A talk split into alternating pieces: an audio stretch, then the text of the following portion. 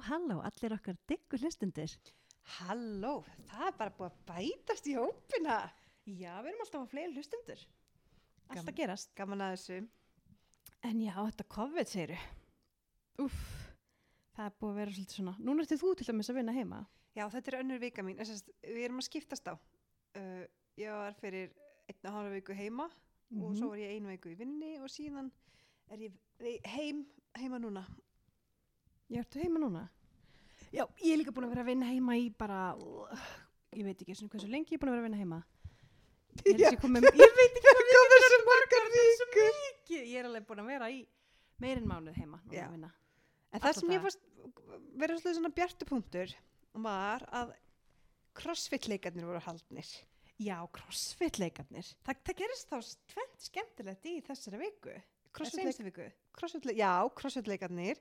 Það sem Katrín Tanna var í öðru sæti, mjög flott. Bara til hamingi með annarsæti, hún var ógeðslega flott, sko. bara, var Líka það var svo flott. gaman að sjá, sko, svona íþróttakeppni, því maður er ekki búin að fá að sjá það svo lengi að því þú veist, það bara fyrir COVID og við horfum ekkert mikið á íþróttir, Nei. þó líka horfa á fótbolta og eitthvað, en eina sem ég horfa var crossfit og svo var svo næs, þó að það væri bara fimm kallar og fimm konur, Já, var svo næs að fá smá svona íþróttaandan yfir sig.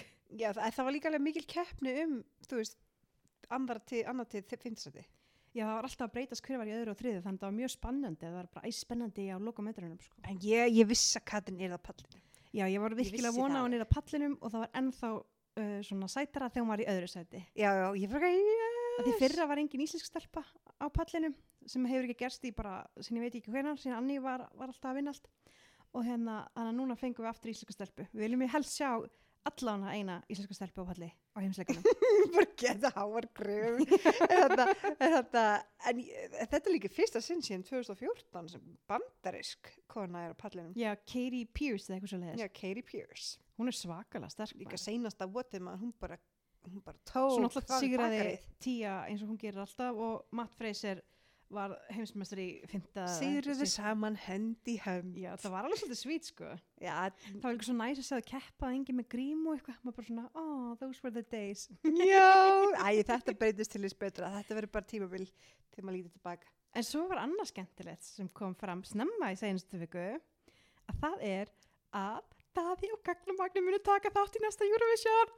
Sko, núna eigum við peysun og allt, sko. Við eigum peysuna, það er þeim að kenna að við byrjum með svo YouTube-brás með Eurovision. Og hann byrjaði að koma með tvær uppeganir. Já, hann ætla að reyna að koma tveimur upphækunum með lagið. Já, það er gott. Eða text, þá er hann, það er, það hann er meistari en þá er hann ekstra mikil meistari. Ég laka geggja til að sjá hvernig það er. Og mér finnst líka einhvern veginn að þau eiga skilið, veist, hann, hann stóð svo vel á þessu ári og komið mikið meðbyr, hann er á svona öldu sem er að halda áfram. Þá, þetta er eiginlega ein, ein, einu stöðin sem Rúgat gert. Já, líka fyrir þú veist, það er alveg erfitt að halda undarkeppnir. Ég við vitum ekkert hvernig þetta ástand verður í janúar, februar. Ég manna bila, við fórum á söngukeppnina og það var bara eitthvað seinasta stóri, seinasta stóri viðbyrður sem var haldinn fyrir fyrstbylgi. Já, og það voru svona dani fyrir frimaðum okkur, hún voru rosalega fullir og voru bara, við ætla ekkur spritt og voru að grínast með þetta. En ég man, þú veist, þá var maður svona að byrja að vera smáhrættur og svo var daðin alltaf vann og setja high five á alla, þá var það allt í lagi, núna var hann bara eitthvað, mm, mm, ekki, ekki lagi, hænir, það er COVID. Já. En þú veist, það, það lögutarsallum var full, það er ekki búið að gerast bara Við ætlum alltaf að fara að mæta þetta, sko. Já, ef það er einhver viðbyrður, þá bara please vona að það megi vera einhverjir gestir því við verðum að sjá þetta. Þetta er bara óslægent að líka held að. En ef það er ekki hægt, þá munum við styðja af miklu móð bara heima. Við verðum með þá Eurovision svona söngakeppnisparti heima það Já, bara. við eigum náttúrulega miða til að fara út, Já, við, en það er ekkert, er víst að það verði. að við sagt keiftum sem sagt Eurovision með þess að vera á þess ári, en eins og allir vita það var það ekki hérna 2020 og ef það verður haldið 2021 þá munum við að það er okkur gild áfram. En, en vissu hvað, það sem ég fannst eiginlega að vera meiri vombriði heldur en hægt af Eurovision, það var þessi þáttur sem var alltaf síndur. Og já, ég var var það, ah, svo sad. Og ah, þetta, Þetta er akkur það sem fólk hefði vilja fá tónlist og fá að fara í gott skap Já. og sjá sína listamenn vera að gera eitthvað skemmtilegt en ekki þetta endilegt vera að tala um þetta COVID, fólk er að koma algjör nóg af því sko. en það, það, var, það var eiginlega næstu því meiri vombriði heldur en að keppninni vera að flý. Ah, En reynda er svona my lowest point í fyrstu bylgu að því ég var svona ágætlega svona bjart sín bara svona já ok, ég vinn heima, ok. Ó, ræktinu lokuð, ok. Þú kennst ekki crossfit, á, ok. Og svo kom það. Það verður ekki haldin Eurovision keppni live, ok, það verður svona júki það allt í lagi, svo kom það, það verður bara ekki haldin neitt Eurovision. og þá var ég bara í svona mínum lægsta punkti í COVID-inu held Já. ég. En síðan þá hefði ég bara farið upp. En líka sko því að þeir eru búin að segja núna eru komið nokkra valmöguleika þannig að það verður ekki hægt að halda keppnina mm venjulega, þá er, er það samt þá eru til önnur Ég, mér finnst bara mjög mikilvægt að verði þó að sé smá ósakert að því að söm löndu að betri tækni en hinn og eitthvað svona bara gefi mér Eurovision. Fólk þarf Eurovision í þessu COVID ástandi bara please, Við elskum Eurovision. Við elskum Eurovision en já, þetta er svona þannig að það voru svona tveir gleðilegir hlutir sem gerðust svona í líðandi vikunni. Já, ég er alltaf eitthvað gleðilegt sem gerist. Maður getur alltaf fundið björtu hlutin á hlutunum björtu hliðinar á hlutunum. En eigum það að segja fólki hvað við ætlum að ræða? Já, og það er, við ætlum að fara að ræða um borgarlínuna. Já, en við erum líka hérna með hérna, ég heiti Sigga og Sólaði sýsti mín og hún er einmitt að vinna við að ég er sérst, ég heiti Sóla, Sólrún og ég er að vinna hjá Strætó og þannig ég kem svona að óbeint að borgarlínunni. Þannig ég veit kannski aðeins meira en hinn almenni borgari. Ég er líka samgökuverkfræðingur og hef þurft að, að hef unnið að hönnuna nýju leiðin eftir Strætó. Og sem sagt þá erum við líka hanna hvernig borgarlínu þar munum keira í góðum hóp. Ég er ekki bara eina þessu við erum mörg að hanna þetta sama, þetta er stórt verkefni. Þannig að ég veit kannski aðeins meira um þetta mál heldur en hinn meðal Íslendingur. Og ég, mér finnst bara eins og í samfélaginu að fólk veitir rosalega lítið um þetta. Þetta er mjög stórt mál. Þannig að okkur datt í hug bara hei, Sigga spyr mér bara svona dömi spurninga og ég reyna að svara þeim. Eða þú veist, Sigga nú líka verkfræðingur þannig að hún kannski ekki algjör dömi í þessu en hún kannski, ég, ég, skal, ég skal bara koma með spurningar sem ég hef heyrt já, og ég reyna að svara þeim vá, ég er bara eitthvað sett á hérna svaka En sem betur fyrir mig ekki svo kastljósi þú veist. Já. ég er bara reyna að útskýra þetta á, á léttu nótunum, ég er ekki í vinnunni mér langar bara því ég er með ástrið fyrir þessu verkefni, mér langar bara fólk skilji þetta hans betur svo fólk sé ekki að dæma eitthvað sem maður veit ekki hvað er En svo líka kannski að því að, að því ég er líka hérna, verkfræðingur og, og gerði mitt mastersverkefni um samgöngur. En ekki, já. En svo líka höfum við búið í Japan og Kóru og Já. tókum mikið lest og strætó, sérstaklega lest.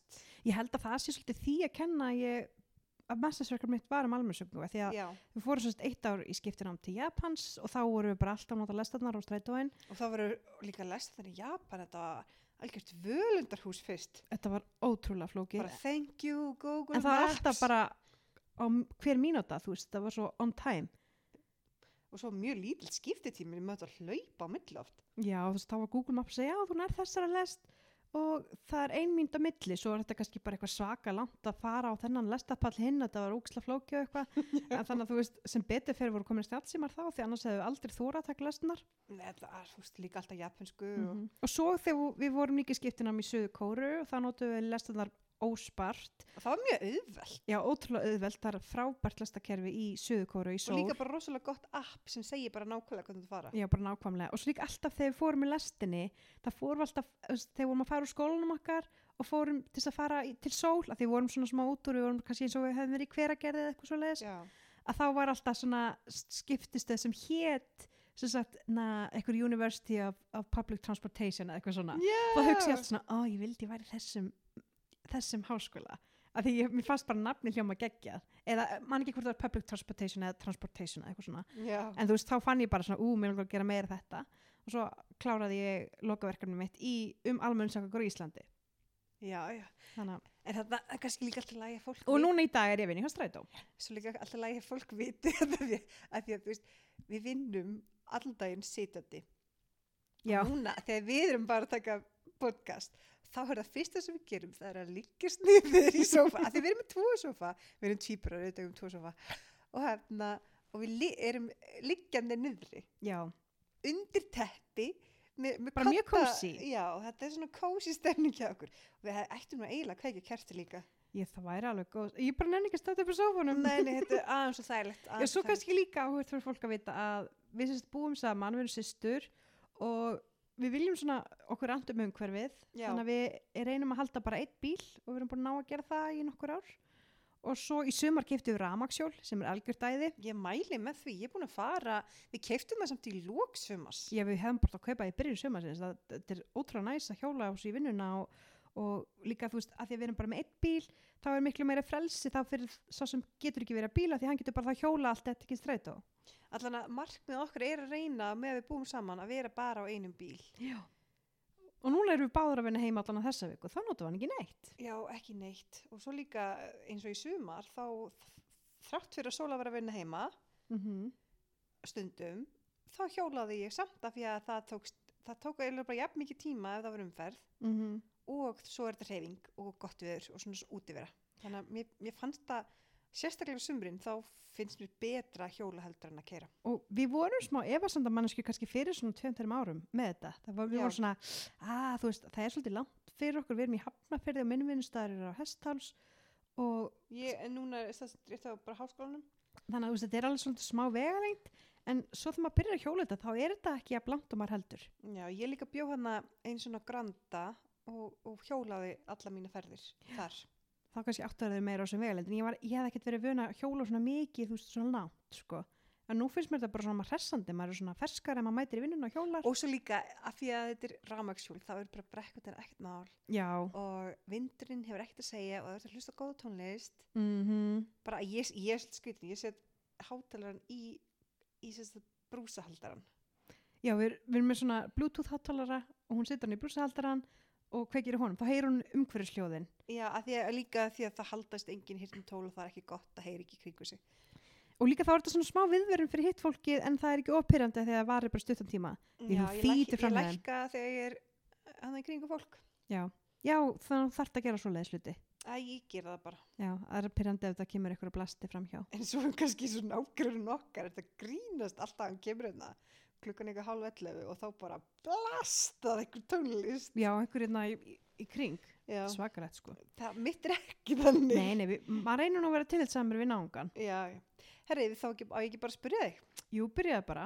Hvað viltu vita um vi- vinda mér í eina af þessum hérna, eina af þessum hérna spurningu sem fór, af hverju þarf Ísland að vera með lest?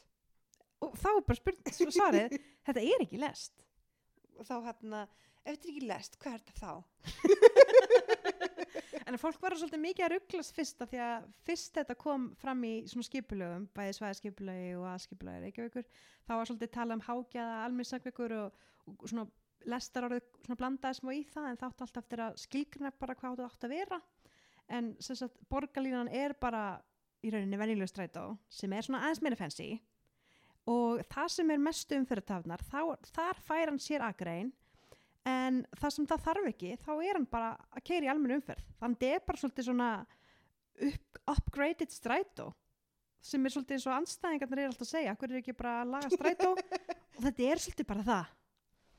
Af því að núna til dæmis en núna vinn ég hjá strætó og sé að þú veist reyndar ekki núna í COVID en fyrir COVID Þetta er ekki sponsorað neitt. Nei, þetta er ekki neitt spons- spons- sponsorað, mér langar bara að fólk fræðist það sem borgarleginn að vita aðeins meira hvað það er.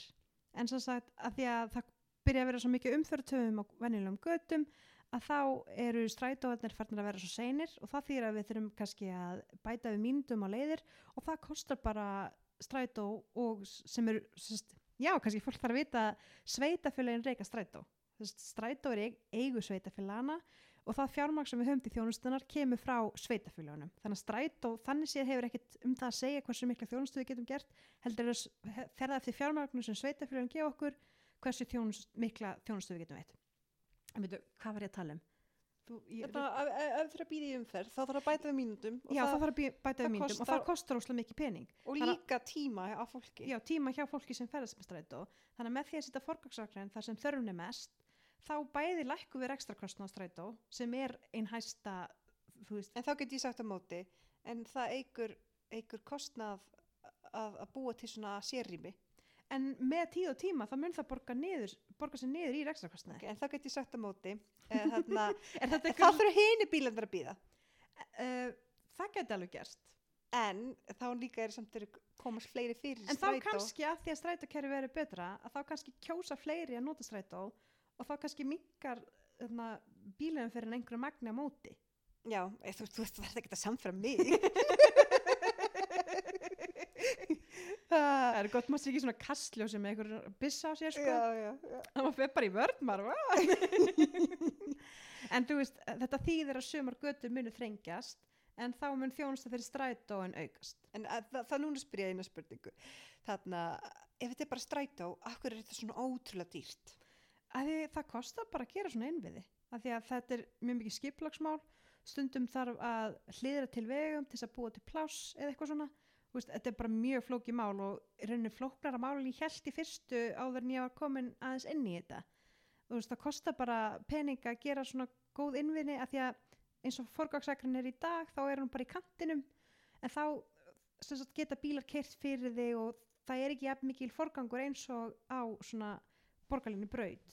Þetta mun heita borgarlinni braut sem sagt. En býtu, þú segir, en mun þó, er eitthvað svona, verður svona skilrum fyrir eða, eða Uh, það er alltaf gert ráð fyrir að venjuleg bílar komast ekki inn á þetta en það er gert ráð fyrir að neyðarbíl, neyðarbílar komist inn á brautinu þannig að ef neyðarbílar þurfa að komast hraðar þá munum þeir geta keirt eftir brautin til að komast hraðar að sjúkrósinu En má ég satt spyrja, hvernig koma þeir í veg fyrir að, að venjuleg bíla fara inn á þetta? uh, núna að ég er ekki í þeirri hönnun, ég er meira bara að hugsa um hvernig leiðin þetta kerur svona, en, en ég sá svona á spáni og þá var svona hindrun fyrir þannig að venjuleg bílar kemst ekki inn á ég hugsa að vera bara einhver hár kantur eða eitthvað svoleiðis. Ég er, ekki- er ekki alveg með það á hreinu akkurat útfæsluna að því ég er ekki því, ég er meira að hugsa hvernig leiðin þetta kerur og svona, en ég er ekki akkurat í þessum innviðum. Já, ég er ekki já, að pæla akkurat í þessum innviðum. Það er, reyndar er mjög mikil vinna uh, í gangi við það núna því þeir eru búa til frum, uh, skýslum frum hönnunina sem kemur bara út bara held ég bara á næstunni. Ég vil ekki segja eitthvað dagsningu sem að því að þetta er alltaf að fresta staðans að því að það er alltaf svo þau vilja bara gera þetta mjög vel held ég. Og þá kemur koma fleiri svona atril ljós þannig að kannski verður það komið bara þegar fólk, en, þú ert að lusta á þetta núna sko. En það, svo skýsla mun svara mörgum spurningum. En það sem, hérna, núna er, eru nokkra séragrænir eins og til dæmis neyri bæ, mm -hmm. hérna, og þær eru svona í kantinum, þú varst að tala um eitthvað, þær eru ekki, verður þá getur fólk tekið beigju fyrir þær. En þegar, að, og svo líka hérna, En, en, en, þú en hvernig, það, ef það verður ekki í kantinum, hvað verður það þá? það er bara mismund eftir uh, sagt, hva, á, á hvað svæðið er. Stum, stundum verður miðunni, stundum verður á sikkurum endanum, það fer svolítið eftir plássi á hverjum stað. Og og, og þessi frum, frumhönnunar skýsla það, það mun svara mjög mikið að þessum spurningum því þá er sínt teikningar fyrir uh, hvert svæði fyrir sig, það sem þetta skiptir nokkur svæði þá sérðu hvernig þau hugsa hvert svæði fyrir sig en eins og það sem er búið að gera núna, mun það haldast?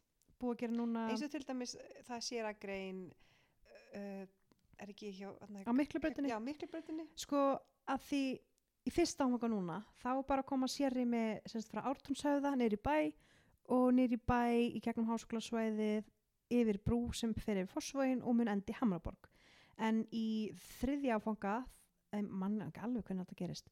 Eitthvað slags þriðja áfanga eða öðrum. Þá ásast að koma stokkur hjá miklubraut þannig að miklubrautin er að fara að breytast rosalega mikið. Já, og þá kemur sérrými en þanga til það gerist þá munum við halda þessari fórgangsvegna á miklubrautinni. En núna heyri ég bara brú, stokkur um miklabraut, ég heyri en bara, stokkur um miklubraut er meira fyrir bílana sko. Já, en núna heyri, núna heyri ég og ég bara, þetta eru stóra framkvæðan sem eftir að taka svolítið tíma.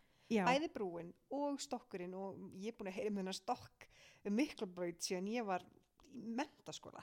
já þetta er alveg mjög stór framkvæmt þessi miklubrautstokkur og það er eiginlega eina af helstu ástæðunum fyrir því að eins og í dag er leið eitt vinsalasta leiðin okkar Já. og margir eru að segja hei af hverju verður þá ekki leið eitt fyrsta borgarlinu leiðin sem ég myndi vilja mest svona af því að það er okkar diggasta leið og diggastu hérna Eins og farþegar. okkur digga en að því að það verða svo flóknar framkvæmdir á miklubreytin út af þessum stokk og þá er, verður ekki komið sérrið þar.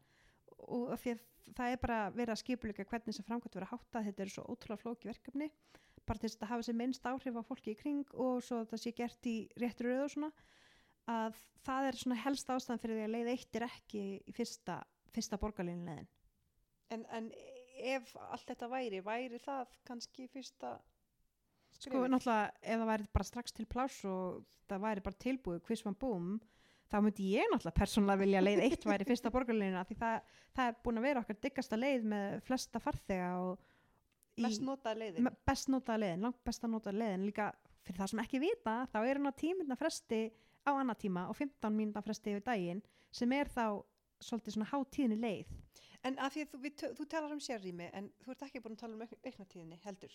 Já, líka það sem gerist þegar leið verður að borgarlínu leið, að þá mun, mun hún verða meiri tíðinni. Þannig að, þú veist, núna er bara, er, er verið að reikna út rekstakostnaðin og þá er bara verið að setja upp sviðsmyndir á hvað tíðinni leiðin eigi að vera. Við erum að kanna sjö myndur eða tíu myndur, þannig að borgarlínu leiði verða sjö til tíu mynda fresti. Það fer svolítið bara eftir því hvernig þetta þróast í, með rekstakostnaðin á hvaða tíðinni þetta lendir. Það er ekkert búið það neitt, en allavega svona við setjum markmið hátt og tölum um sjö myndir núna, svo er svolítið bara að sjá hvernig þetta þróast. En mynd, þú veist, myndið þú ekki segja að COVID hefur sett styrki í re- reikningin? Menna allan að s- nú sem komið er út af því að veist, það eru miklu færri farþegar og ég held að sé mest út því að fólk er að ferðast minna því að fleiri eru að vinna heima hjá sér en svo líka fólk kannski bara hrætt við að smitast. En- En allan að fréttir ellends frá og slíkt, ég hef ekki séð neina fréttir sem má reykja eitthvað stórt smit vegna almenningssakvagna og í rauninni er bara mjög fá smit sem er hægt að reykja til þeirra. Þannig ef fólk er með grímu og fyrir almenningssakvangur þá ættur alveg að vera örugur. Já. En ég skil samt að fólk finnst það óþægilegt en við erum vonandi að fá bólefni bara næsta ári. Þú veist, það geta að lifa lífin all, alltaf ko með COVID, skiluru. Þú veist, það gengur ekki til lengdar. Þú veist, þetta mun, þú veist, þetta ástand mun skána og verða aftur back to normal, hugsa ég. En nú er ég bara svona að spyrja um svona praktikal atriði eins og munu stræta og það er eitthvað brítast. Já, úps. þegar, sem sagt, strætó, veist, útlitið á þeim. þegar strætóleið verður að borgarlínuleið, að þá mun verða lengri vagn. Þá mun verða 18-24 metrar vagn og það er stærri vagnar heldur í dag. Hefur býtu- ekki séð harmoníku vagnin sem hefur strætó? Jú. Hann er svona 18 metra liðvagn, þannig að það verður annarkvært svona eða þá enda stærri. Já, og, ok. og við erum með samgönguleikan sem er að reikna út hversu mikið marga farþegum að búa stuð og svoleiðis og það er að svara því hversu stóra vagnar þar. En, en þarna, að því að þegar maður fer í, þú veist, svona metró, Mm þá, maður, þá er maður búinn að borga þegar maður fer inn á svona svæði. Já, það verður líka gert. Eins og það, ég man ekki hvort að búið eða er að tala um það, að þessu í dag er ekki þetta sekta neitt fyrir ef hann borgar ekki strætó, það er bara að segja, hei, ekki gera þetta aftur og út úr vagninum, Já. en ég man ekki hvort að lögin er að koma ekki, það var, það var í fréttunum, að þú veist, þegar borgarlínin kemur þá verður allavega hægt að sekta fólk fyrir að fara í vagnin og borga ekki. Já, Þannig það, að við munum geta haft svona eitthvað vald yfir því til að fá tekjur inn í kerfið. en svo eins og þú veist, það er svo þægilt eins og þegar maður er í London eða þá í, í Japan eða Kóra, þá er maður svona, bara svona eins og debitkorti eitthvað sem maður bara setur svona innegn, svona samgöngu innegn á Mm -hmm. og eins og í Japan þá getur maður fa- farið í strætó, maður getur farið í lest og svo bara svo bara borga maður þannig með kortinu á mismunandi samgöngum áta Mm, Heyrðu, þá get ég tala um eitt verkefni sem er ekki að stræta á. Þau eru bara að þróa svona uh, borgunarkerfi bara as we speak og það á að koma í byrju næsta árs. Það, þetta app mun heita Klapp og það á bara að vera svona eins og Oystercard í London eða eitthvað þannig. en er það bara fyrir strætó og Hugsunin er sko að það veri bara fyrir stræta fyrst en það verði hægt að innleiða fleiri hluti inn í það. e, samgöngu Uh, þú veist, það er bara al- allt opið, ég er ekki alveg inn í því verkefni, það eru fjármálasviðinir að sjá um það. en ég fæ svona örkynningar um þetta þannig að þetta er bara hugsa svolítið eins og austurkartið að þú getur bara þú, veist, þú bara fyrir svona skanna á píp ferðinn en hérna þannig að það þetta er bara næsta leiti þetta er bara að fara að koma í byrjun árs og næsta ári. En, en og þá getur maður líka notið á milli strætó og borgarinnunar já sko eins og ég hugsa þetta ég hugsa sko borgarlinum strætó þetta er bara eitt heilstætt kerfi almenningsakvang á höfuborgsvæðinu þetta Já. er ekki svona mikið þetta og hitt. Þetta er bara svolítið svona að þú ert bara að komast frá A til B stundu ferðu bara með svona almenni leið og svo ferðu kannski með leið sem er með aðeins meiri fancy vagna og meiri tíðni þannig að það þælir að fara í hana. En þetta er svona heildarkerfi. Þannig að þegar maður tekur strætó þá bara borgar maður með strætó með eða síni miðan eða eitthvað. Við, hjá strætó vakstjóra mm -hmm. en svo ef maður er að fara að skiptistöð þú veist, á þar sem er borgarlína já, eh, getur maður ekki skipta milli án þess að borga eitthvað? Ég- sko ég held að sé ekki búið að taka alveg ákvörðun um það en mér finnst að það er bara vera hægt að borga eitt gjald og geta farið í allt kerfið af því að þetta er heilsatt kerfi það er ekki Já. sér borgarlínu kerfi það er ekki sér strætókerfi þetta þannig er það er kerfi sem bara spila sama, saman sama gjald fyrir að taka strætó og borgarlínu strætó sko það er ekki búið að taka formlega ákvörðun um það en Já. ég myndi vilja að það væri þannig Já. en, en líka ég, bara, ég ræðis ekki en, já, en líka bara eins og skipti með skilur þá hann að mamma ferðast já, því þú í ákveðin að því að þegar þú klikkar út að klapp mun bara byrja að taka gildi á næsta ári að þá, þú veist, gildir sá þetta tikk, svona bíp sem þú tikkar inn á svona skanna það gildir í, eh, eh, held ég svipa langa tíma og skipti, skipti með. Já, en, en, en þetta klapp líka mm. er það svona eins og mánakost líka þú getur líka verið með þannig Já, þannig að það- þú veist, þá þarf að stimpla inn til þess að þú veist, fá svona, ég, ding, þú, þú veist, ok En þá er líka oft þannig, maður þarf að stimpla sig inn og svo þarf maður að stimpla sig út. já, það fengur sér ekki það sem þarf að stimpla sér út Já, af því það er oft nota til að reikna vegalengdina og þá maður tjartjar þegar maður fer út. já, þannig að það er ekki verið að hugsa að verði svona sónur eins og hefur verið. Að það er ekki í hugsunina þessu. Þetta er alveg bara, hann í rauninni breytist kannski borgunar umhverju ekki það mikið með eins og það er í dag sko. En þetta ve- verður svona einfaldara þetta verður svona og Oystercard í London. Þú veist, þú tekka bara inn og búið og getur legt inn á eða tengt við kreditkortið þitt eða einhvern veginn En þannig. núna, eh, þú veist, hver er stærsta breytingin? Er það bara sérrýmið? Já, sérri með, en, en þú ert ekki bara að spyrja mig sem ég langar að útskýra Já, hvað langar þið að útskýra? af því að fólk er svo mikið svona borgarlegin þetta stræt og hitt og ég Já. er náttúrulega að vinna svolítið við verkefni nýtt leiðanett Já, og hérna sem ég er bara búin að vera barnfústur mitt núna. Með góðum hópi, ég er ekki eina að þessu við erum mörg sem vinnum að þessu verkefni. Að það er að, bara endurskipuleika allt heildar kerfið heildar strætókerfið til framtíðar, þannig að við erum að hugsa til 2034 þegar allir áfangur borgarlinni eiga við tilbúinir þannig að þar við teiknað upp sjö stoppleiðir við köllum þetta bara stoppleiðir og almennleiðir og við erum ekkert að hugsa er þetta borgarlinni eða hitt, við erum bara að reyna að finna besta kerfið þannig að þjóni sem flestum fyrir fjármagnir sem þið hafið. Já, en þetta kostar meira náttúrulega að því að aukin tíðni er að dýrast í kerfinu og hákjað almennsakangur það segir sér sjálft að þú veist það er þýði meiri tíðni en það er að dýrasta því það áttu fleiri vagna og fleiri starfsfólk og það er dýrasti kosturinn. Kostnarnilt er sem sagt starfsmæðurinn en fólk er líka eitthvað hei geta ekki bara sjálfakandi bílar redda þessu?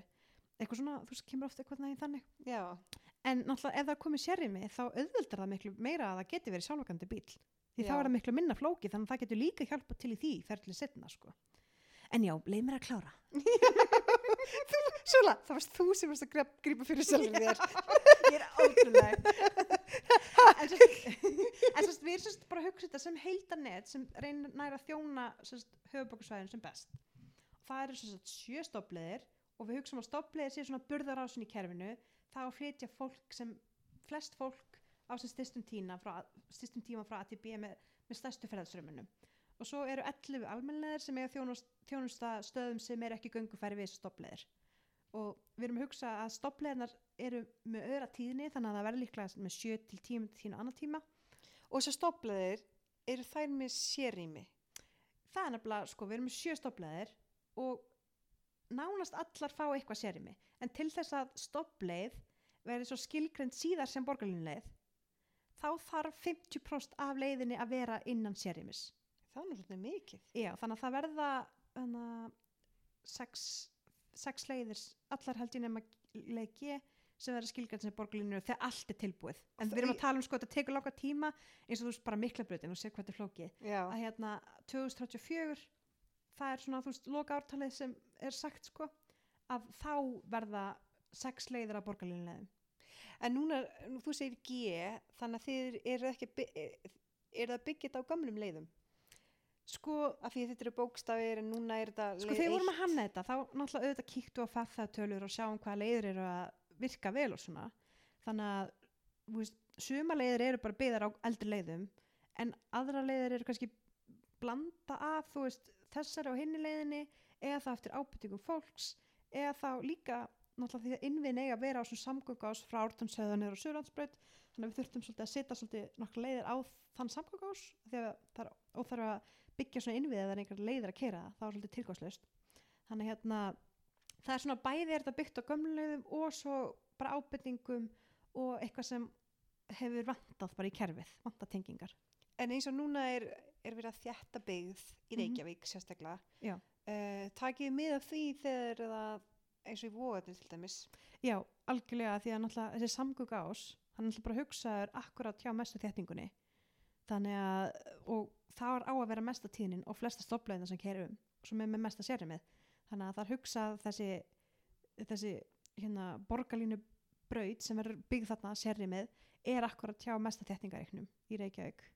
Og verð, hvar verður mest þétt Ef maður skoðar aðskipla Reykjavíkur þú veist þá er þetta frá orðansöða og niður eftir Suðlandsbrutinni og svo niður í bæ.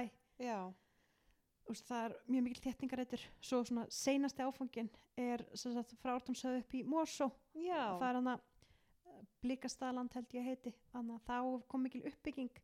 En það til, var til dæmis óþára að byrja því núna því það er engin húskomin þannig að það meikar mjög mikið sens að býða með það þá til það er komin þetting áður maður fyrir að búa til dýr innviði ég veit bara því við byggum á Altanesi það er svo leðilegt að keira Altanes veginn, það er ekkert í gangi þarna. Það er svo langt að fara á hverjum degi. Herri, allana en þú veist, að því að fólk er svo mikið, þeir sem er á móti borgarlinni, þeir er alltaf af hverju er ekki bara verið að bæta strætó? Og það er í rauninni bara það sem verið að gera. Og til dæmis fólk segir, af hverju færi við ekki bara fleiri leiðir á meiri tíðni? En það sem gerist er að strætón er það bara fastur í umfylgðinni og það er ekkert hægt að bæta það með aukinn tíni það mikið því þá verður bara fast í umfyrir eins og hinnir þannig að í rauninni er erfitt að vera með sjömynda tíni nema hann sé með forgang því annars bara næri næsta strætt á hinnum út af einhverju svona vesinni skiluru þannig að það er eiginlega bara fórsynda fyrir þess að fara í sjömynda tíni eða slikt er svolítið að sé forgangur og sért ekki fastur í umfyrinni með hinnum en líka fólk eitthvað að það akkur þarf eitthvað tíni sem, ok, núna í COVID er þetta svolítið ekki kannski frábært ár. Gott að með 2019, það er hægstu tölur sem strætó hefur séð bara frá því talninga meina ég var að taka strætó. Veist, það var alltaf pakk fullt í ásnum vorum ofta að setja auka vagn með leið uh, eh, 15 frá Mórsó bara því að það var svo mikið fullt. Og fólk var bara mjög mikið nátt strætó þannig að mjög leiðilt að þetta COVID kom ég tók strætó mikið 2019 og ég hef nær framalega í hafnafjörði mm -hmm. ég fekk ekki alltaf sæti Nei. og það var yðurlega stað, staði og fólk þurfti alltaf að þjappa því, ég það kannski eitt af því við náttúrulega vorum í Japan og Kóru og fólk bara þjappa rosalega vel en á Íslandi þá er fólk svolítið vant því að hafa svona plás, plás alveg mm -hmm. bara töluvert plás, alveg bara hálf metri kringu sig eða meira mm -hmm. en, en Asi það, það, það, það er ekkert í bóði þar sko. ja, það er náttúrulega ekki í bóði núna ja. Þa, en svo líka kannski áhugavert að þú veist á annað tíma að þá er allir þeir sem fari gegn miklu, miklubröðina eitt triðja þeim eru farþæri strætá á annað tímanum. Þannig að þú getur hugsað þér að ef allir þetta fólk, allt þetta fólk væri bíl þá væri þú veist 33% fleiri bílar. Já, eða kannski aðeins minna því það er 1,2 vilt í bíl skiluru Já. en það væri miklu fleiri bílar og miklu meiri umfyrirtöf af því að þegar akkurat er mest umfyrin þá eru flesti líkistrætá og ef þeir varu líka bætast við þá verður þetta svakalegt en svona líka við tölum svona fyrir mig persónulega þá finnst mér skemmtilegra að hlusta á eitthvað með noise cancelling heyrtatalunum og þetta frábær fjárfesting að kaupa noise cancelling sérstaklega þú ert að taka spræt og svo bara hlusta góða hljóðbók og svo ertu bara að býða og ert ekki að keira og, og, og mm -hmm. að því maður getur ekki nota maður á ekki nota hljóð, noise cancelling sem þegar maður keiri, maður notar út af við sko. en, en mér finnst það þægilega sko. mér finnst bara oft kósið maður tekur stræt og er bara hlusta gott podcast eða, eða hljóðbók sko. það fæ ég svona smá mítæm en ég held líka sko kannski að, að því að nú hljóðum maður rosalega stereotypulegur en það er oft svona eldri karlmenn sem eru mest að móti þessu. Það er bara mín reynsla. Og þú veist þeir eru bara, það vil lengi nota strætó. En kannski, maður þarf svolítið að kunna að setja sér spór annar, nú er fullt af ungu fólki eins og til dæmis við sem erum búin að vera í útlöndum, nota almennssakangur óslega mikið og okkur finnst það bara fínt. Og það er alltaf fleiri og fleiri íslíkar að pröfa að bú, búa í útlöndum og koma með miklu betri sína á almennssakangur heldur en heldur en eldra fólkið. Að þetta er allt annað kerfi heldur en það var. Auðvitað margt sem á bæta, algjörlega en það það til dæmis bara meira fjármækt til þess að geta sett meiri tíni í kerfið. En svo líka það að, að þarna, það sett fullt af peningum í vegi og, og mér, mér finnst alltaf læg að setja pening í almenningssamgöngur mm -hmm.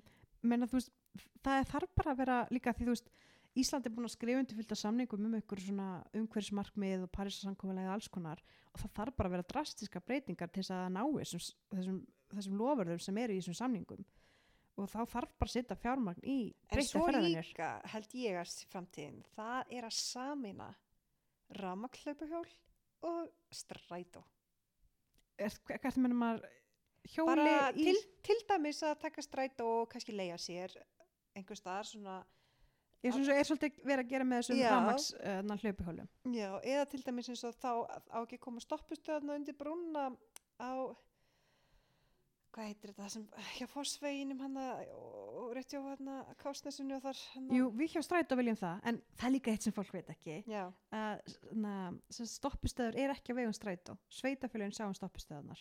Já, Að sveitafélagin sjá um stoppistöður sem eru á vegum hjá sveitafélagunum, ef það er vegum sem vegagerðan á, þá sér vegagerðan um það.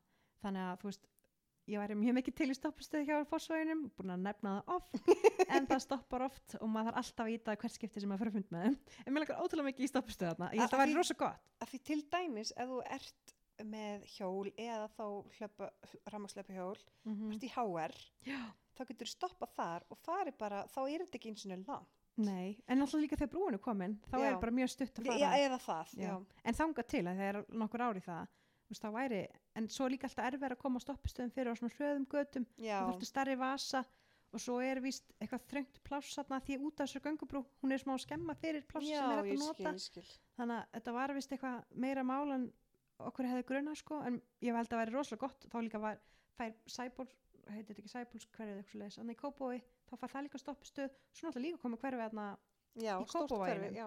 stórt hverfið þar og svo þetta var líka að nota fyrir borgarspítaland sko.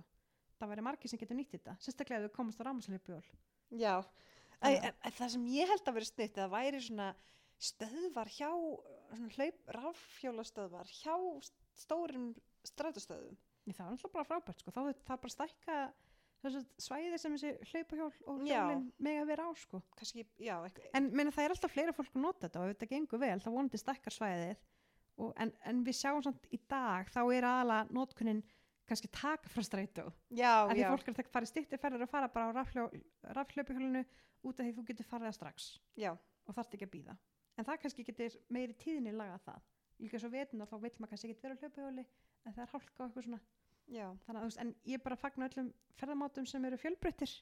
Já, líka því að bara ef þú ert ekki nota bíl þá ertu líka að eigða göttunum minna. Já, og það spara pening já, fyrir, fyrir samfélagið. Ótrúlega mikið penning og þá ert líka ekki að tefja hína Já, að mér fólk sé, ó það er svo mikil umferð. En þú ert umferðin veist, þú ert að búna til líka sko. En líka eins og núna ég hef verið að hjóla alveg nokkur ár og ég tek alveg eftir því að það eru miklu fleiri á vegunum núna að hjóla miða við eins og til dæmis fyrir tíu árum þegar ég var að hjóla þú veist, átt árum þegar ég var að hjóla. Mm algjörlega sko. Þannig að ég bara fagna öllu sem er svona veist, það þarf ekki að fara bílum allt.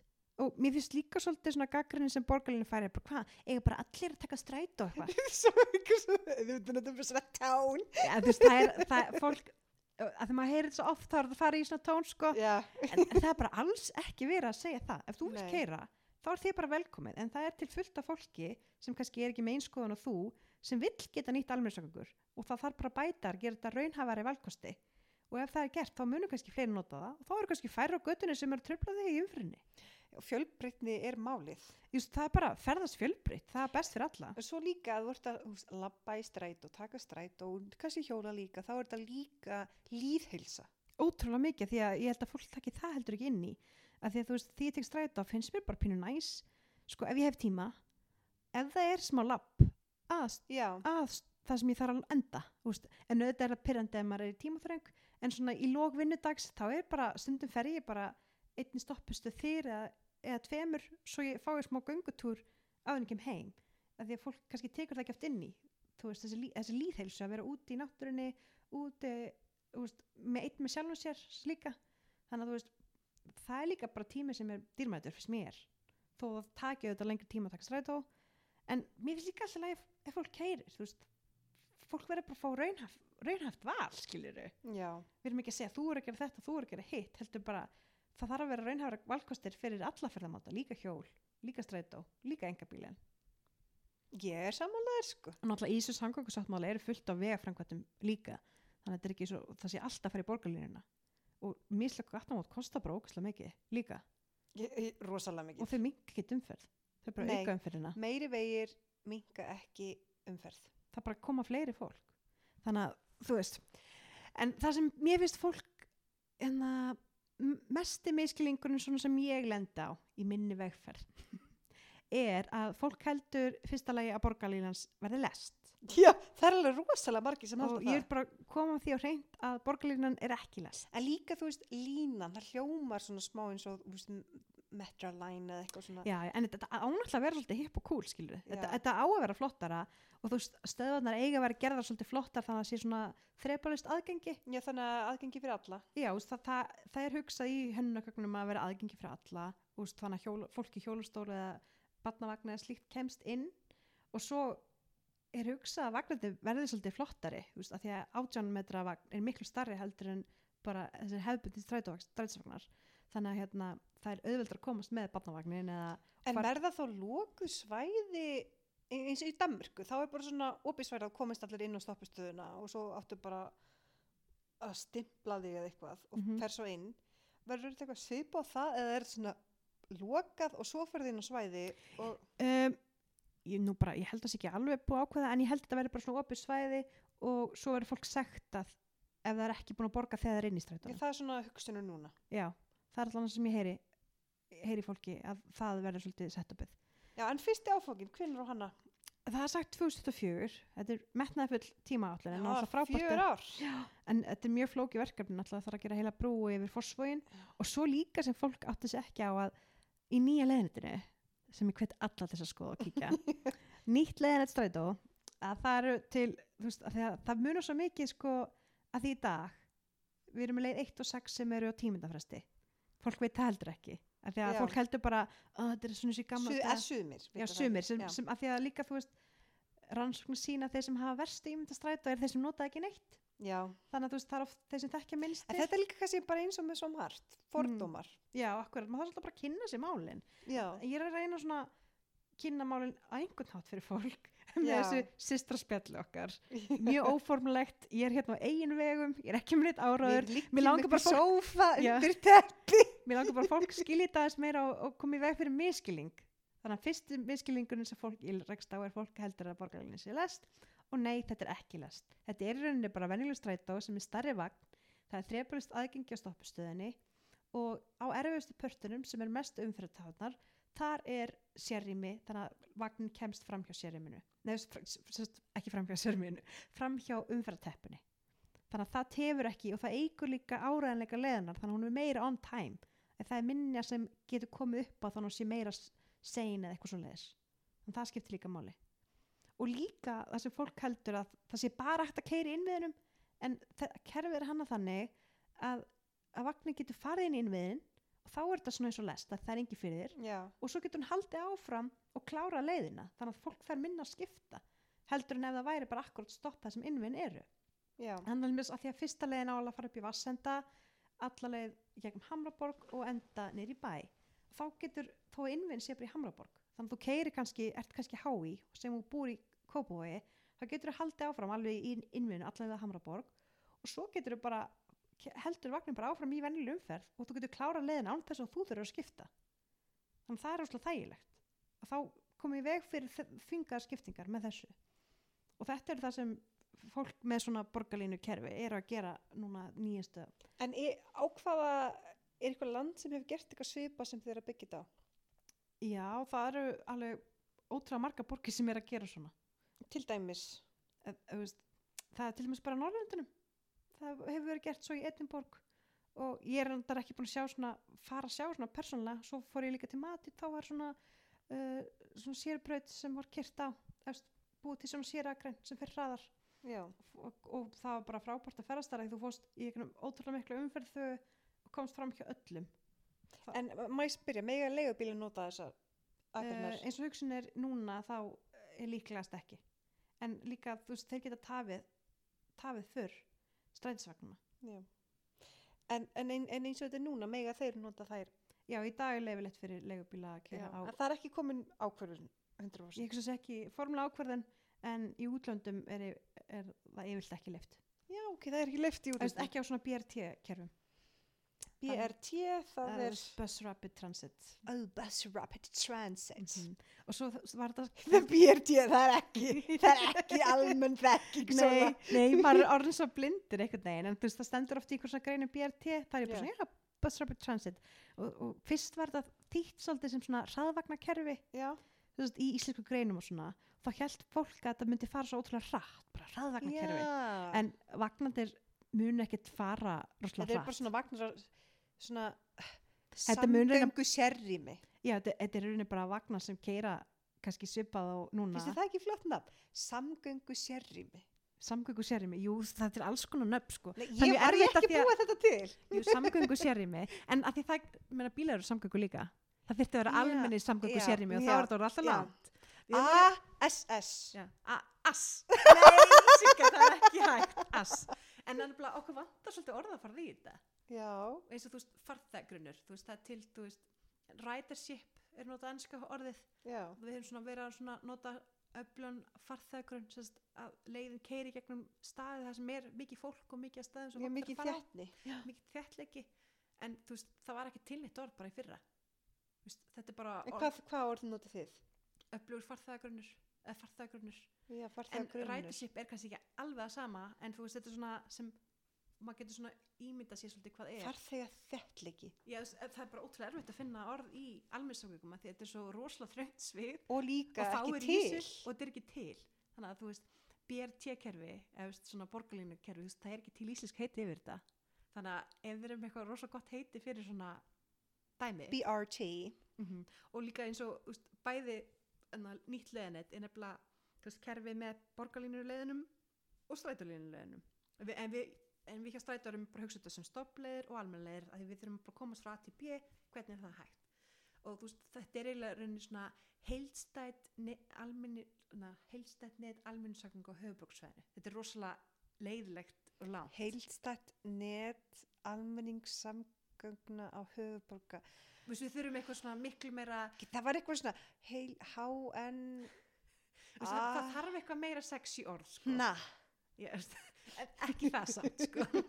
en við þurfum að búa til betri orðaforða í þessu. Líka þú veist, bara íslíkar er ekkit mikið að nota eitthvað íslenskt orð í að tala tæknilega um almennsökungur það er ekki til öll þessu orð sem er til á ennsku og eins og til dæmis veist, í ennsku þá er talað um frequency og þú veist interval en á já, Íslandi er eiginlega bara að nota tíðni. Fyrir bæði. Já, og þegar við erum að tala um tíðni þá erum við bara að tala um hversu oft vagnin kemur á klukkutíma.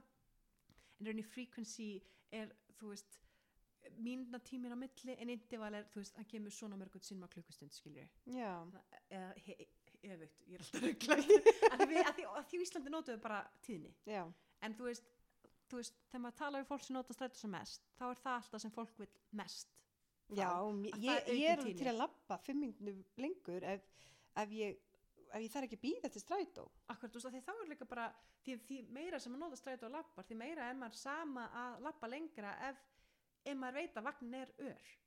Eins og við búum bara náttúrulega eitt og ég þarf eiginlega ekkert að kíkja tímatöfluna annar tíma það er svo þægilegt að þurfu ekki að skipulegja sér svona. Veist, það er líka bara eins og um daginn ég fór á æfingu í sportusunar í Hafnafyrði og ég fór að því misti af einu strætó að því ég var bara á sein út að því þurfti að svara einhverjum e-mailum. Ég fór fimm mínútur yfir fimm á stað með strætó og æfingin var kortur yfir fimm og ég þurfti að fara út sko á stoppistinu á maður fyrir Hamnaborg já. allalega sportusinu og ég var bara tvei mínútum á sein en þar kom hlaupa hjólaða góða Já. hlutum ég mæli með því að auðvitað strætó og þetta komast hrætt á milli til stoppistöðar og hérna lokastöðar að við erum þá oft með hlaupa hjá í strætó þá komum sér fljótar á milli okkur er bara nákvæmlega sama við erum bara mér finnst bara alltaf lægi vera ókúl að vera hlaupa og komast fyrr já, Þú veist, þá er líka þá er líka lengri vel en sem að meikar að labba líka Já. fyrst þegar ég áður en ég byrja að taka strætó þannig mikið það fannst mér til dæmis bara ógeðslega langt að hugsa til þess að, að taka stoppistöðina á milli Hamraborgar og Arðaneshæðar þú veist þar til þess að í sport og sé bara vá hvað er langt í burtu.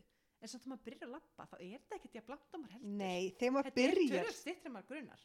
Þetta er miklu styr ég held að fólk ætti bara að pröfa að labba á sína stoppistöð Já. og áttar sig á það að það er ekki langt í hana. Þetta er yfirlt sko einhvern veginn að virka langt líka bara eins og fólk stundu keirir út í búð sem er bara nált þeim svo að myndi bara að pröfa að labba í búðina þá er fólk alveg bara já þetta er nú ekki svo langt eins og ég held að því að, veist, að því í COVID var alltaf farin að taka göngutúr alltaf Já. þegar maður kemst ekki í ræktin og svona þá er þetta alltaf miklu en ég held þetta virkar svo langt en svo þegar maður byrjar að labba þá er þetta ekki jafn langt og maður heldur já, já.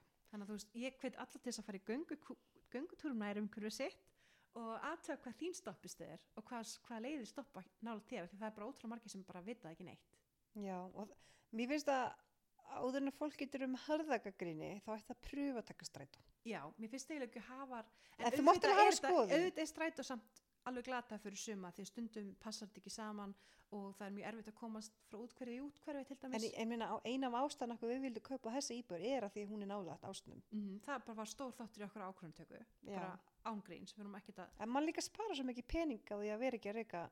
Fleiri bíla. FIP segir að kosti cirka miljónu ári að vera með bíl Meina, við erum ekki að sp- spara miljónu ári að vera með eitt bíl Það vera bara beint í. Já. eða bara fer til útlanda eða þú veist, þarft að vinna minna og getur verið meiri tíma með fjölskyldinni enni það er til alls konar í þessu svo líka bara miklu hotlar að vera hjóla og svona en já, því að þú veist, að fólk veit ekki það mikið um streit og þú veist, að því að þú veist, fólk bara hugsa bara þetta er ekki fyrir mig eitthvað svona en það vita til dæmis, alltaf því ég segi fólk þetta það er alltaf um hins að því segi að leið 1 sem er frá Hafnafyrir í bæ og leið 6 sem er frá, fer frá Grafa niður í bæ það er á tímuna fresti á, annan tíma. Og fólk bara, ég lendi eiginlega aldrei neins sem veit það. Það er alltaf fólk hissa því ég segir hann þetta. Og það munur svo mikið þegar, þegar leið er á tíminutfresti já, og svo kortisfresti yfir daginn. Já, það bara munur öllu. Og líka nánast flesta leiðan á höfubuksvæðinu fyrir utan þeir sem eru mest útjörunum þær eru á kortisfresti á annan tíma og það er bara miklu betra heldur en þegar við vorum krakkar mannstu þegar við vorum á Altanesi ekki man á um helgar klukkan eitt og svo klukkan fimm. akkurat, þú veist, það bara Og við sváum svo lengi út af stundum sváum við yfir okkur. og þá þetta að taka stræt á næst klukkan 5 Það var svakarlegt eða þá uh, húka far. Þannig að þetta er búið að bæta svo mikið þetta er alveg miklu betra en þegar við vorum krakkar eða þú veist, Já. þegar við vorum unglingar ég man bara þegar við fórum í mentaskóla, þá var alltaf strætnum bara klukkutímafresti. Og ekki allan daginn, bara svona þú veist, komið svolítið stærri bíla milli. Og en núna er þú veist alltaf strætnum á hálftímafresti og leið eitt er á tímyndafresti á annan tíma. Það er mjög gott. en þegar við vorum þá hann 20 myndafresti og þá vorum við bara vá, geggjað. Af því það var svona góð samgöngubót þá af því hann hafði bara verið eitthvað hægar þá. Þá var hann 20 myndafresti við vorum bara vá, hann er bara 20 mynda fresti að gegja og nú er hann komið 10 mynda fresti þannig að þetta er hægt að þetta lagast það bara tekur tíma. Líka því að þú veist, strax sem maður sker niður í almsangugum þá bytnar það strax á farþæðatölum og farþæðatökjum en ef maður bæti við þjónustu þá tekur svona 1-2 ár fyrir fólk bara að fatta sér búið að bæta þjónustuna. Þangar til að koma fleiri farþæðar og það kostar alltaf að bæta þjónustuna. En þannig að við bara, ég hlakka til að sjá hvernig þessi borgarlína verður. Já, akkurat, ég er mjög spennt fyrir því. Og líka eitt sem ég er mjög spennt alltaf að segja fólki um nýja leiðnettir að hérna í dag eru 24% höfuborgarbúa í hérna, 400 metra radíus frá leið sem er með há, hátíðni, hátíðnileið, leið 1 og Hvað sagði 6, var mikið prósent? 24% af höfuborgarsvæðinu. En með nýju leiðnetti þá verður 64% sem verður nált leið sem hefur með 10 mínúna tíðni eða betri tíðni. Það þrifaldast. Já, en þá erum við að tala um sko íbjóðtölur frá 2019 og eins og þú nefndir áðan þá verður mesti þéttleikin á þessu samgöngás þannig að mesti þéttleikin verður okkur þar sem flestan stoppleiðnar eru. þannig að hlutvalli verður mjög líklega herra þá í lokin heldur en það er núna sko. Samgöngu ás, það er það sem þessi innviði verður byggð á. Veist, það, það svæði sem innviðin verður byggð á. Já, ok. og já, fólk kann ekki allan að orða það Ég- ég, ég veit- að Samgöngu ás, ég veit ekki hvað það er. En ertu að fatta að, veist, að vagnu getur ekki bara svona eins og venjulega vagn í svo getur hann farið í þú veist, sérrimið sem mun heita borgarlinu braut og keira það vúp, fram hjá öllum og svo fer hann aftur heldur Já, áfram í venjulegu já, braut. þá er hann búin að fatta það. Já, og þú er búin að fatta að þetta er ekki lest. Já. og þú er búin að fatta að þetta er svona heildarkerfi. Þetta er ekki borgarleinan eða strætó. Þetta er bara svona heildarkerfi og sumar leiðirnar verða með meira smooth, skiljur, þú veist, það Já. minni tafir á þeim út af þessum sérrim en líka því að ég náttúrulega, ég fæ svolítið, var svolítið eh, ef hann beigir mikið, strætóin. Já. Ef hann er að beigja mikið, þannig ég er að vona þetta við líka sko, aðeins. erum með þú veist eitt af leiðaljósunum að við byggum til leiðaljós áður við byggum til hérna, Svona hönnunar forsendur. hönnunarforsendum væri að, að, að leiðir aki sem beinustu leið sérstaklega stoppleiðir en auðvitað þurfum við almennleir stundum að fara eitthvað smá króka bara því að gatnakerfi er þannig en hérna allir krókar að því að fólk fattar ekki stundum þegar maður lendir í hei getum við ekki tekið krók hérna, hérna, hérna? Það er allt innu kannski búin að bæta við bara sjö mínútum við leiðina þá allt innu þarftu bara 1-2 auka vagna þá er það bara kominir 100 miljónir aukalega skiluru allt svona lítið það be- bætir svo mikið sérstaklega þegar leiðin er á mikil tíðni þá er bara hver metir svo dýrmætur að maður þarf virkilega að hugsa þú veist hvern einasta krók sem maður er að taka.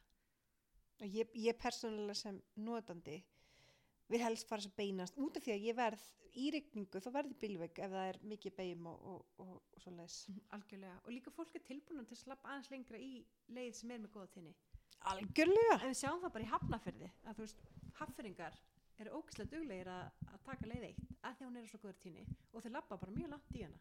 Já, þannig að ég get náttúrulega talað endalaust um borgarlínu þetta er mjög en líka samgöngur eru áhugaverðar og líka sérstaklega eftir að við byggum í Japan og Kóru þá fekk ég bara enda meiri áhuga á almenningssamgöngur af því við notuðum svo mikið og sáum þú veist, og svo má ekki gleyma að, að því að Altanes var ekki með 8. 9. og 10. bekk þannig að við þurftum að taka stræt á hverjum einstegi frá Altanes í Garðabæ þegar við vorum í 8. 9. þegar 10. við bekk vorum í 8. 9. 10. bekk og svo fórum við í MH og þá þurftum við að taka stræt á hverjum einstegi frá Altanesi yfir í MH já, það var ekkert grín þá því þá Altanes þetta voru kluktum fresti og svo var leið eitt hún héti eitthvað S1 eða eitthvað þá hún var alveg 20 minna fresti og bara geggjað og svo er í dag 10 minna fresti og þetta er alveg veist, þetta er að þróast í einhver átt sko.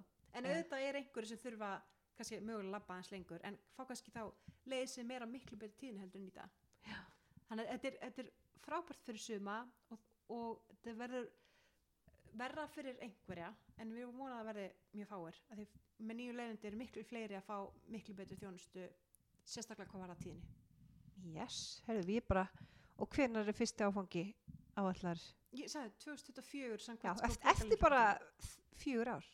En til þess að þetta geti gerst þá þurfum við brúið fórsvög það þarf að vera góð skiptist í Vóabyggð af því það er verið svona miðsvæðis á höfbruksvæðinu þar, þar verður þetta skipta í allar áttir norður, söður, austur, vestur og það verður marga stopplegir sem mætast þar.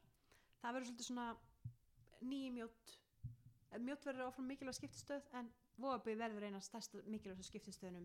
Þá verður líka léttar að komast til dæmis frá Mósbæ yfir í Kópó þá getur þú bara að fara í Vóabyggð og Og síðan skipt skipt þar þar. og í leið sem fer beint í Kópó eða Garðabæ eða Hafnarfjörð. Þannig að hérna það verður mjög mikið skiptistöð en það er stærsta breytingin. Já, en svo líka stór breytinga því að hlemmur er að fara að breytast. Náttúrulega alla leiðinar okkar ekki strætó, ekki allar, en mjög margar enda í hlemm. Og það verður ekki hægt að stoppa þar af því að breyta þessu og gera rosa flott torki á hlemmi. Og líka út af því þurftu að endur skipulega allt kerfið. Þannig að það verður líka bara mjög stórt verkefni að skipulega hvernig við getum breytt því svona í skref fyrir skref að hætta enda á hlemmi og fara meiri yfir í nýtt leiðanett. en það er líka ekki það var miðsvæðis en það er ekki miðsvæðis núna. Ég veist náttúrulega lækitorg er miklu meira miðsvæðis heldur en hlemmur allan í dag. En það á að koma svona flott torg og finnst svona borgastemning sko fyrir miðbæinn kannski er það mér finnst lækjartorg heldur ekki vera miðsvæðist ekki, ekki, ekki já, en en, vopin er nú svolítið svona í miðinni á höfuborgsvæði já, og, jú, Skeifan. og svo sem alveg mjöttin veist, á höfuborgsvæðinu en eiginlega mögabig kannski meira. Þannig að kemur stóru skurður sæbreytin og já, ártónsbrekkuna þar þannig að ef fólk kannski þekkir ekki nefn á gutum heldur maður er svo vanur að horfa svona loftmyndaðalli ég er nú slega að horfa loftmyndaðalli og svona stóra gutir og veit hvað alla leiðin að keira og svona en fólk bara haftu en að minna maður hvert keiri leiðallu aftur svona. ég, ég veit ekki hvert að keiri sko. en ég kann ekki alla leiðinar en þú veist, maður svona farin að farin að þekkja hvað flest leiðin að keira já. og þú ert búin að vinna þarna í, í rúmla ár núna já, já, svona eitt og hálft eitthvað svo áður en og mjög gaman að fá að taka þátt í svona að móta hvernig leiðina munu keira já, og að því við erum bara að reyna að gera þetta sem best fyrir sem flesta. Mann er aldrei að gera alla 100% ánaða að því að það er bara einn kaka sko. En við erum reynum að gera sem besta úr því sem við höfum sko yes, Það ég bara hlakka til að taka fyrstu leiðina þannig að 2024, ég bara verð á fyrstu vagninum, er það ekki? Jú, það verður mjög gaman að reyna það. Kannski þú veist að því að þú ert að byggja hús íslenska fræða. Ég kannski fæ bara mitt það getur fyrirtæki. tekið hana, leið sem heitir leið A frá Hamraborg yfir í hana, HÍ og ferði við Fossvæginu beint í HÍ en það verður búið þá já en þú veist það getur að samt kíkt á húsi sem en það, en það verður svolítið líka gaman að fara bara yfir Fossvagsbrúna já ég held að það getur líka bara verið svona túristaþeng skilur Já. Neitt Nautarsvíkina og- Já, akkurát. Það mun líka bara bæta háar líka. Það er líka hugsað að vera svona stoppist alveg inn í háar. já, Þannig að það verður miklu betið þjónusta og svo mun leiðin líka fara aðeins meir inn á háskólusvæði heldur en í dag þannig að það verið betur þjónust á háskólusvæði Yes, herru, ég bara verð verð á fyrsta vagninum. Já. Við saman, við verðum týpur og gerum hjarta. Við verðum í eins fötum.